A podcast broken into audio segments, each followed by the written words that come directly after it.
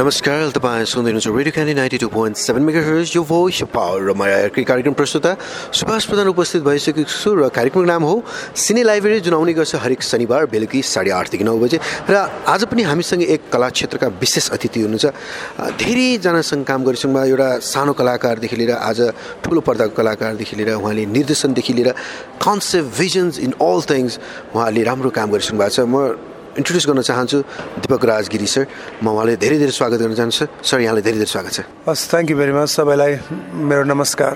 मैले कलाकार मात्र भनेर रुझाएँ मैले भन्नु कतिको उचित रह्यो?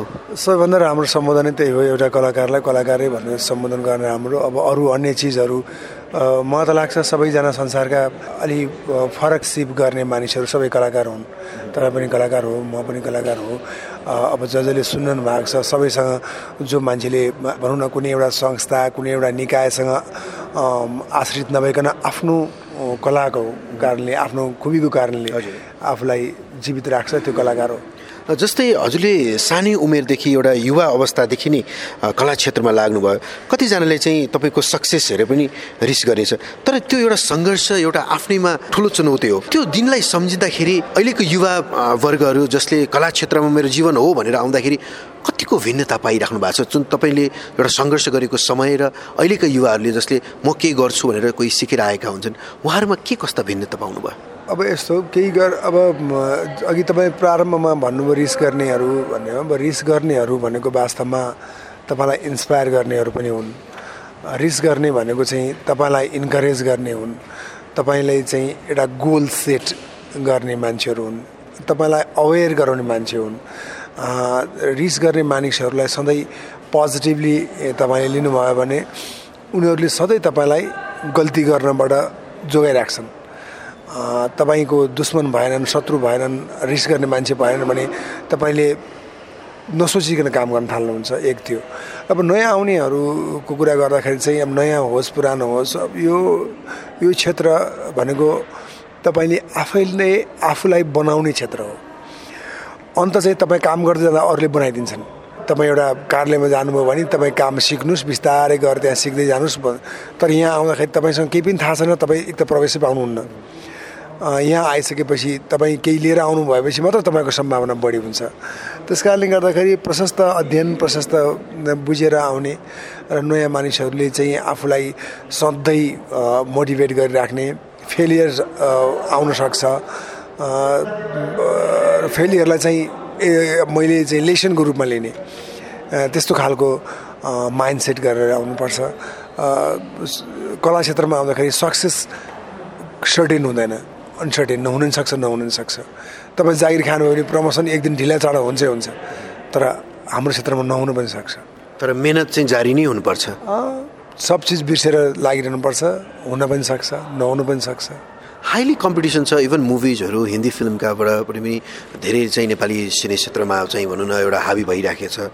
हजुर जस्तो एउटा मेकर्सले होइन दिनरात एउटा कन्सेप्ट डिजाइन गरेर चाहिँ दिनरातको मिहिनेत गरिराख्दाखेरि दर्शक श्रोता माया कस्तो पाइराख्नु भएको छ? कति ढिलो पनि भइरहेछ। जस्तै फिल्म रिलिज गर्ने अवस्थामा पनि ढिलो भइरहेछ यो कोभिडको पेन्डेमिकको अवस्थामा पनि। तपाईँहरूले आफूलाई कसरी चाहिँ लिइराख्नु भएको छ? कसरी अगाडि बढ्न सोचिराख्नु भएको छ? च्यालेन्ज त हरेक दिन हुन्छ नै। हरेकको जीवनमा च्यालेन्ज हुन्छ। अब यो कोभिडले झन् एउटा नयाँ पाठ सिकाएको छ। हामीलाई दुई चार कदम पछाडि धकेलिदिएको छ। अब फेरि त्यो कदम त्यो बिराएका पाइलाहरूलाई अथवा पेन्डामिकले अगाडि बढाउन छुटेका पाइलाहरूलाई अब अलि फटाफट अगाडि बढ्नु छ। आफूलाई फेरि तयारी गर्नु छ। दर्शकहरू एकदमै झन् पर्फेक्ट भएर आउनु भएको छ यो पेन्डामिकमा घरमा बस्नु भएको छ। अनेक प्रकारका अन्तर्राष्ट्रिय चलचित्रहरू हेर्नु भएको छ। अब त्यस्तो क्रममा चाहिँ हामीले झन् हामीलाई आफूलाई निखारेर आफूलाई झन् बढी परिष्कृत गरेर अगाडि बढ्नुपर्ने छ अगाडि बढ्नुको विकल्प छैन। तपाईँले धेरै यङ जेनेरेसन्सहरूसँग पनि आबद्ध भएर काम गरिराख्नु भएको छ। जुन टाइममा तपाईँहरूलाई एउटा प्रोत्साहन गर्ने ठाउँ थियो एउटा लागि पर्नुभयो। तर जुन प्लेटफर्म अहिले क्रिएट भइरहेको छ यो प्लेटफर्मलाई कसरी हेर्नु छ नयाँ पुस्तालाई? उनीहरूले के कस्तो चिजहरू चाहिँ फलो गर्नुपर्छ लाइफमा अगाडि बढ्नलाई होइन? किनकि भनौँ न सबैजना उसको सक्सेसमा मात्र पछाडि लागेको हुन्छ। तर उसको हार्डवर्क उसले दिएको डेडिकेसन होइन? त्यो याद गरिरहन्छ यो अहिले पाइराखेको प्लेटफर्म्सहरूलाई कसरी युज गर्न सक्छ युवावर्गहरूले? अब अहिले there are lot of platforms अब हाम्रो पालामा त्यस्तो थिएन। प्लेटफर्म कम थियो। अब एउटा केही एडभान्टेज पनि छ डिसएडभान्टेज पनि छ। एडभान्टेज यो छ कि you have lot of possibilities you have lot of platforms तर side by side you have to face so many obstacles अनि त्यसपछि कम्पिटिसन्स यो खालको त्यस कारणले एडभान्टेज हुन्छ तपाईँलाई। तपाईँले चाहिँ पहिला जस्तो रेडियो नेपालले चान्स दिएन।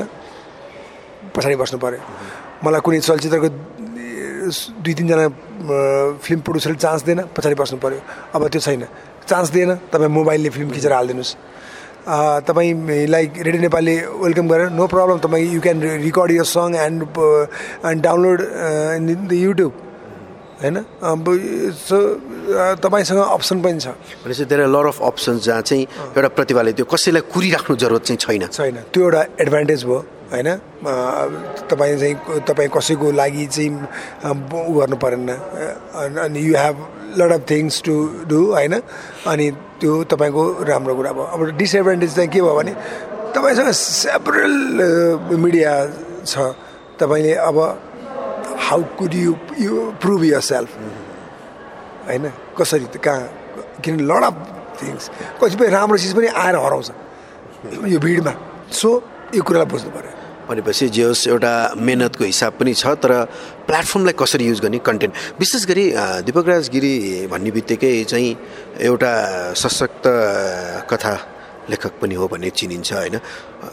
अधिकांश अहिले पछिल्लो समय हेर्दाखेरि मैले जस्तै सम्पदाजी मेरो जो मेरो साथी पनि हुन्छ उहाँ पनि राम्रो स्क्रिप्ट राइटर हुन्छ उहाँले पढाइराख्नु हुँदो रहेछ उहाँले स्क्रिप्टहरू अहिलेको जेनेरेसनमा चाहिँ स्क्रिप्ट राइटिङमा चाहिँ एकदम धेरै पोसिबिलिटी छ कि छैन? किनकि हामी देख्छौँ कि धेरै मेकरले स्क्रिप्टै राम्रो भेटेन स्क्रिप्टै छैन भनिराख्दाखेरि तपाईँ यो पोसिबिलिटिज के छ? स्क्रिप्टका पोसिबिलिटिजहरू के छ जेनेरेसनमा हामीले उहाँहरू जस्तो व्यक्तिहरूलाई कसरी लिएर सक्छौँ? पिचिङ सेक्सन कसरी गर्न सक्छौँ? एउटा मेकरलाई त अवश्य एउटा राम्रो स्क्रिप्ट त चाहिन्छ नि होइन? भनिराख्दाखेरि हजुरको आफ्नो एउटा जुन स्क्रिप्ट लेख्ने शैली र अहिलेको जेनेरेसनलाई हामीले कसरी कोलाबरेट गर्न सक्छौँ? अब एउटा चाहिँ पोसिबिलिटी किन नहुनु म त भन्छु अहिले सबैभन्दा बढी राम्रो स्क्रिप्ट राइटर फेल तपाईँले राम्रो स्क्रिप्ट लेख्नुभयो भने तपाईँको हातौ हात बिग्छ अहिले हेर्नुहोस्। अरू बिग्दैन एक्टर नबिग्न सक्छ राम्रो एक्टर पनि नबिग्न सक्छ राम्रो डिरेक्टर नबिग्न सक्छ तर राम्रो स्क्रिप्ट जरुर बिग्छ। होइन मैले कति भनेको छु तपाईँ यदि if you have ready script होइन I am ready to buy होइन? I am not getting the right script for the movie so that's why I'm not making movie right now होइन भनेपछि तपाईँसँग राम्रो स्क्रिप्ट छ भने त त्यो तुरन्त बिग्छ एक नम्बर अर्को कुरो चाहिँ के भने स्क्रिप्ट नयाँ जेनेरेसनले स्क्रिप्ट राइटिङले पढेको भरमा मात्र हुँदैन त्यो पढेको हिसाबमा दर्शकलाई के चाहिन्छ दर्शक के छ बुझ्छ दर्शक अहिलेको ट्रेन्ड के छ त्यो ट्रेन्डलाई बुझ्नुपर्ने हुन्छ यो स्टोरी टेलिङ हो राइटिङ भनेको। स्टोरी भन्ने तरिका फरक फरक हुनसक्छ। तपाईँले इन्ट्रेस्टिङ वेबाट कथा भन्न सक्नुहुन्छ भने तपाईँ चाहिँ तपाईँको लागि यो सबैभन्दा ठुलो अपर्च्युनिटी हो। विशेष गरी हामीले नयाँ प्रतिभाहरूसँग हामी पनि जोडिराख्दाखेरि उहाँहरूको एउटा गुनासो के छ भने मुभीमा कुनै अडिसन भइरहेको छैन। पहिले नै स्टारकास्ट हुन्छ अब त्यो चाहिँ सानो सानो सानो यस्तो खालको रोलहरू के गर्ने अलरेडी सबै सेटिङमा चल्छ भनिराख्दाखेरि दिपक राजगिरी दाईको जुन ब्यानरले काम गरिरहेछ होइन मलाई जतिसम्म लाग्छ एउटा निष्पक्ष हिसाबले चाहिँ राम्रो प्रतिभाले स्थान दिएको छ र जुन आज ती कलाकारहरू स्थापित कलाकार पनि भइराखेका छन्। भनिराख्दाखेरि यो खालको जुन माइन्ड सेट अफ साइकोलोजी छ नि कस्तो हो? यसलाई कसरी बुझ्नुहुन्छ तपाईँ? यो जरुरत हो। यसरी किनकि अडिसन गरेको हुन्छ राइट पर्सनको लागि खर्च गरिराखेको हुन्छ। तर अधिकांश नवप्रतिभाले चाहिँ कसरी सबै सेटिङमा चल्छ सबै भित्रभित्र यस्तो हुन्छ कि यो यो खालको प्रविधिलाई कसरी लिनुहुन्छ तपाईँ? अब हेर्नुहोस् अवार्ड नपाउनेले अवार्ड सेटिङ हुन्छ अब रोल नपाउनेले रोल सेटिङ हुन्छ अनि त्यसपछि त त किन हिट भएनस् भन्दा मैले मौका पाइनँ भनेर त्यो एउटा बाहनाहरू हो हुन त डेफिनेटली सेटिङहरू पनि हुन्छ होला। मानिसहरूको रिक्वायरमेन्ट अनुसार सेटिङ हुन्छ होला। कसले कुन मोटिभले फिल्म बनाउँछ? त्यो अनुसार सेटिङ हुन्छ होला। अब हाम्रो मोटिभ चाहिँ दर्शकहरूलाई मन पराउने फिल्म बनाउने हो। त्यसपछि राम्रो कलाकार लिने मोटिभ हुन्छ। हामी हाम्रोलाई होइन राम्रोलाई नै मौका दिन्छौँ। त्यस कारणले गर्दा तर यो चाहिँ फेरि ग्यारेन्टी छैन कि सबैले त्यही गर्छ भन्ने पनि छैन। जनरलाइज नगरौँ यसलाई। ओके। जस्तै नेपालमा हामी देख्छौँ नि हजुर कहिले कहिले एज अ प्रड्युसर पनि काम गरिराख्नु भएको छ। होइन? प्रड्युसरको जुत्ता लगाइसक्नु भएको छ। यो कतिको भार जस्तो लाग्छ as being as a producer होइन? कतिजना नयाँ प्रड्युसर पनि आउनु खोजिराख्नु भएको छ असुरक्षित देखिराख्नु भएको छ। हामी कहाँ किन कर्पोरेट लेभलका स्पोन्सर्सहरू हुन्? जस्तै एउटा कुनै अवार्ड फङ्सन होस् कुनै प्रोग्राम होस् त्यहाँ sponsors back lot of sponsor can see होइन? धेरै स्पोन्सर तर सिने सेक्टरमा स्पोन्सर चाहिँ देखिन्छ तर त्यो अनुसार चाहिँ भएन। भनिराख्दाखेरि एज अ प्रड्युसरको हिसाबले तपाईँले कसरी हेर्नुहुन्छ यो चिजहरूलाई? अब हेर्नुहोस् यो चाहिँ कस्तो हुन्छ भने अब होइन समग्रमै नेपाल एउटा सानो मार्केट हो। यहाँ चाहिँ स्पोन्सर्सको प्रब्लमै नै भइरहेको हुन्छ। त्यो चारवटा चाउचाउ तिनवटा बिस्किट यो यो यो फिक्स छ। होइन दुई तिनवटा ब्याङ्क। अब यसरी चाहिँ हाम्रो मार्केट पनि ग्रो भइसकेको छैन एक नम्बर। अन्त पनि प्रब्लमै छ। अब विशेष गरेर सिनेमामा भन्दाखेरि चाहिँ सिनेमा पनि सिनेमाले पनि त्यो प्रकारको ग्ल्यामर क्रिएट गर्न सकिरहेको छैन। र वर्षमा दुईवटा तिनवटा फिल्म हार्डली हिट हुन्छ। अरू सिनेमा कहिले आउँछ कहिले जान्छ थाहा छैन। त्यस कारणले हामी पनि अलिकति प्रोफेसनल हुन सकेका छैनौँ। हाम्रो साइडको पनि प्रब्लम छ। हामीले नै अट्र्याक्ट गर्न सकेका छैनौँ। मलाई चाहिँ यस्तो लाग्छ। जस्तै म बेला बखत हजुरको फेसबुकबाट पनि हेर्छु। राम्रो एउटा कहिले कहिले व्यङ्ग्य तरिकाले पनि प्रस्तुत गर्नुहुन्छ कला क्षेत्रलाई कहिले कहिले उत्साहपूर्ण पनि देखाइराख्नुहुन्छ होइन? अहिले जुन सिनेरो भइरहेछ Nepali film industry even after the COVID होइन? इभन आफ्टर द पेन्डेमिक यति धराशायी भइराखेको छ। गभर्मेन्ट सेक्टरबाट जुन आश गर्नुपर्ने एउटा जुन अभिभावक उहाँहरू हुनुहुन्छ नि हाम्रो लागि चलचित्र क्षेत्रको लागि त्यो उहाँहरू एज अ अभिभावक पुरा गरिराख्नु भएको जस्तो लाग्छ कि लाग्दैन? किनकि मैले तपाईँका स्ट्याटसहरूमा मैले धेरै देख्छु क्या त्यो कलम एउटा होला एउटा नर्मल तरिकाले लेख्नुभयो होला सोचेर लेख्नुभयो होला। तर त्यहाँ धेरै गहन शब्दहरू र चयन छ क्या। वास्तवमा नेपाली गभर्मेन्ट सेक्टरले जुन चलचित्र विकास बोर्ड होस् र नेपाल सरकारले कस्तो इनिसिएट लिनुपर्छ इभन आफ्टर द पेन्डेमिक अब चाहिँ? अब हेर्नुहोस् प्रब्लम छ पुरै कन्ट्रीमा प्रब्लम छ। अब ठुल्ठुलो देशमा अब राजनीतिक अवस्था यस्तो छ अस्थिर छ। हाम्रो आर्थिक अवस्था त्यो छ। अब तपाईँको लगानी गर्ने वातावरण पनि छैन। लगानी गर्नलाई बैङ्कले लोन दिन सक्दैन। व्यवसायीहरू घाटामा गइरहेछन्। अहिले खोलेका व्यवसायहरू को अवस्था नाजुक रहेको छ। यो अवस्थामा अब हाम्रो क्षेत्र पनि अछुतो रहने कुरै भएन। त्यसमाथि हाम्रो मनोरञ्जन भनेको चाहिँ के भने हाम्रो चाहिँ फर्स्ट प्रायोरिटी हाम्रो प्रोफेसन हो त्यस कारणले यो फर्स्ट प्रायोरिटीमा पर्छ। पब्लिकको चाहिँ के इन्टरटेनमेन्ट भनेको लास्ट प्रायोरिटी हो। त्यस कारणले गर्दाखेरि यो लास्ट प्रायोरिटीको लागि चाहिँ अब कन्ट्रीले सबै कुरा हेर्न चाहिँ भ्याउँदैन किनभने अगाडिकै क्षेत्रहरू उद्योग कल कारखानाहरूदेखि लिएर सबै कुरा प्रभावित भइरहेको ठाउँमा सरकारले नै गर्नुपर्छ भन्ने कुरा होइन। सरकारले सक्दो चिज गरोस्। तर हाम्रो साइडबाट चाहिँ हामीले राम्रो सिनेमा बनाउने राम्रो सिनेमा बनाउने इन्भाइरोमेन्ट चाहिँ उसले क्रिएट गरिदिने हो।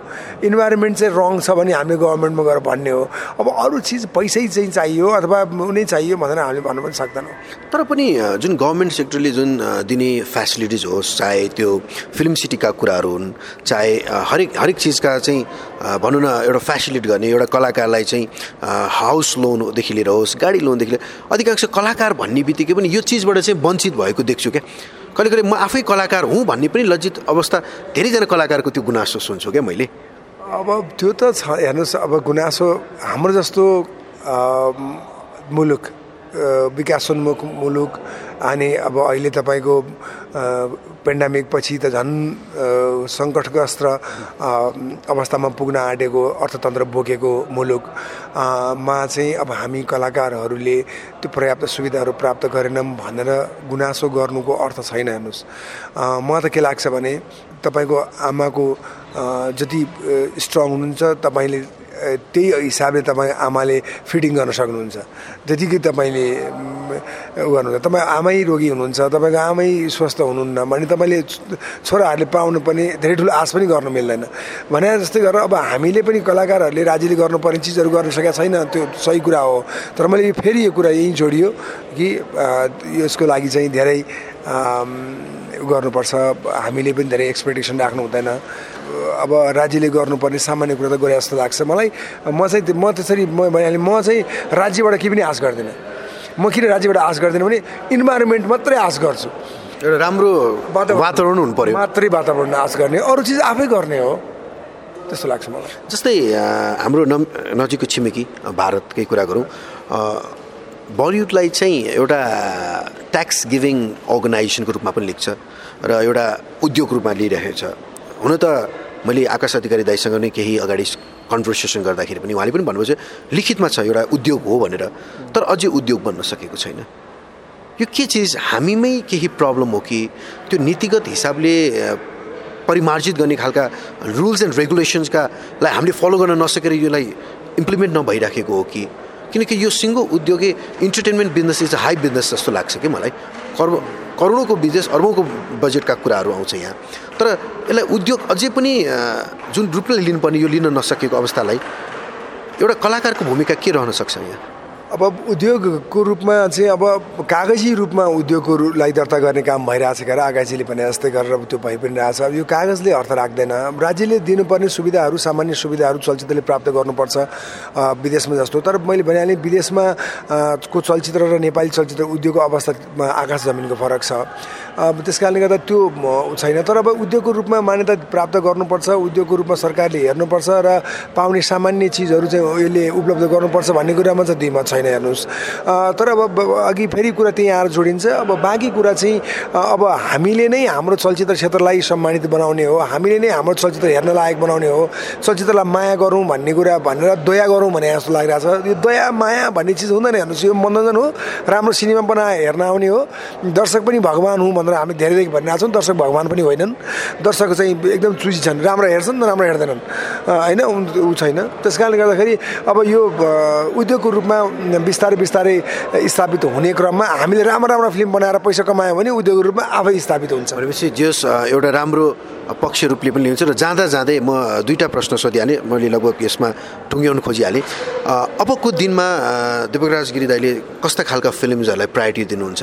कस्ता चिजहरूलाई चाहिँ इन्फासिस गर्नुहुन्छ? किनकि हामी साउथका मुभीले पनि प्रभावित भइसकेका छौँ। पछिल्लो समयमा हामीले हेरिराख्दाखेरि त्यहाँ हाबी भइसकेको छ। नेपाली दर्शकलाई हुन त लकडाउन पछि पनि केही फिल्म चलेर दर्शकलाई चाहिँ लिएर आयो यो राम्रो सुखद पक्ष पनि छ त्यहाँ।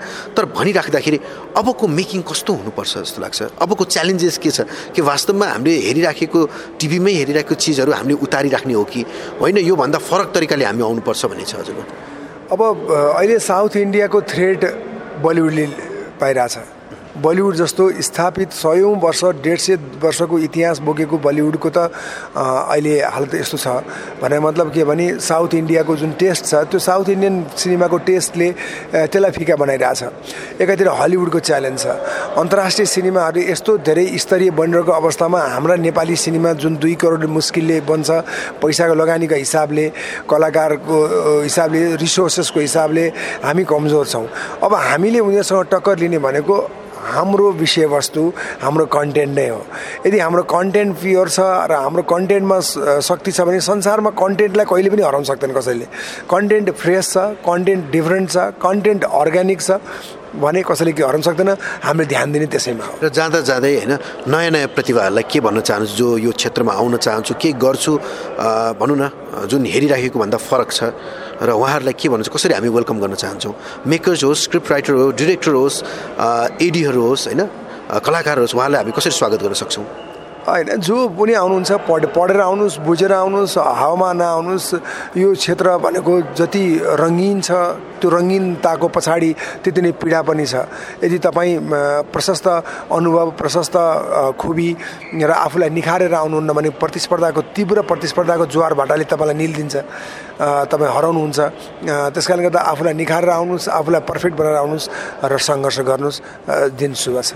Thank you so much Dipak दाई। Thank you so much for your very valuable time हस् thank you very much thank you उहाँ हुनुहुन्थ्यो दिपक राजगिरी चलचित्र रङ्गकर्मी पनि हुनुहुन्छ।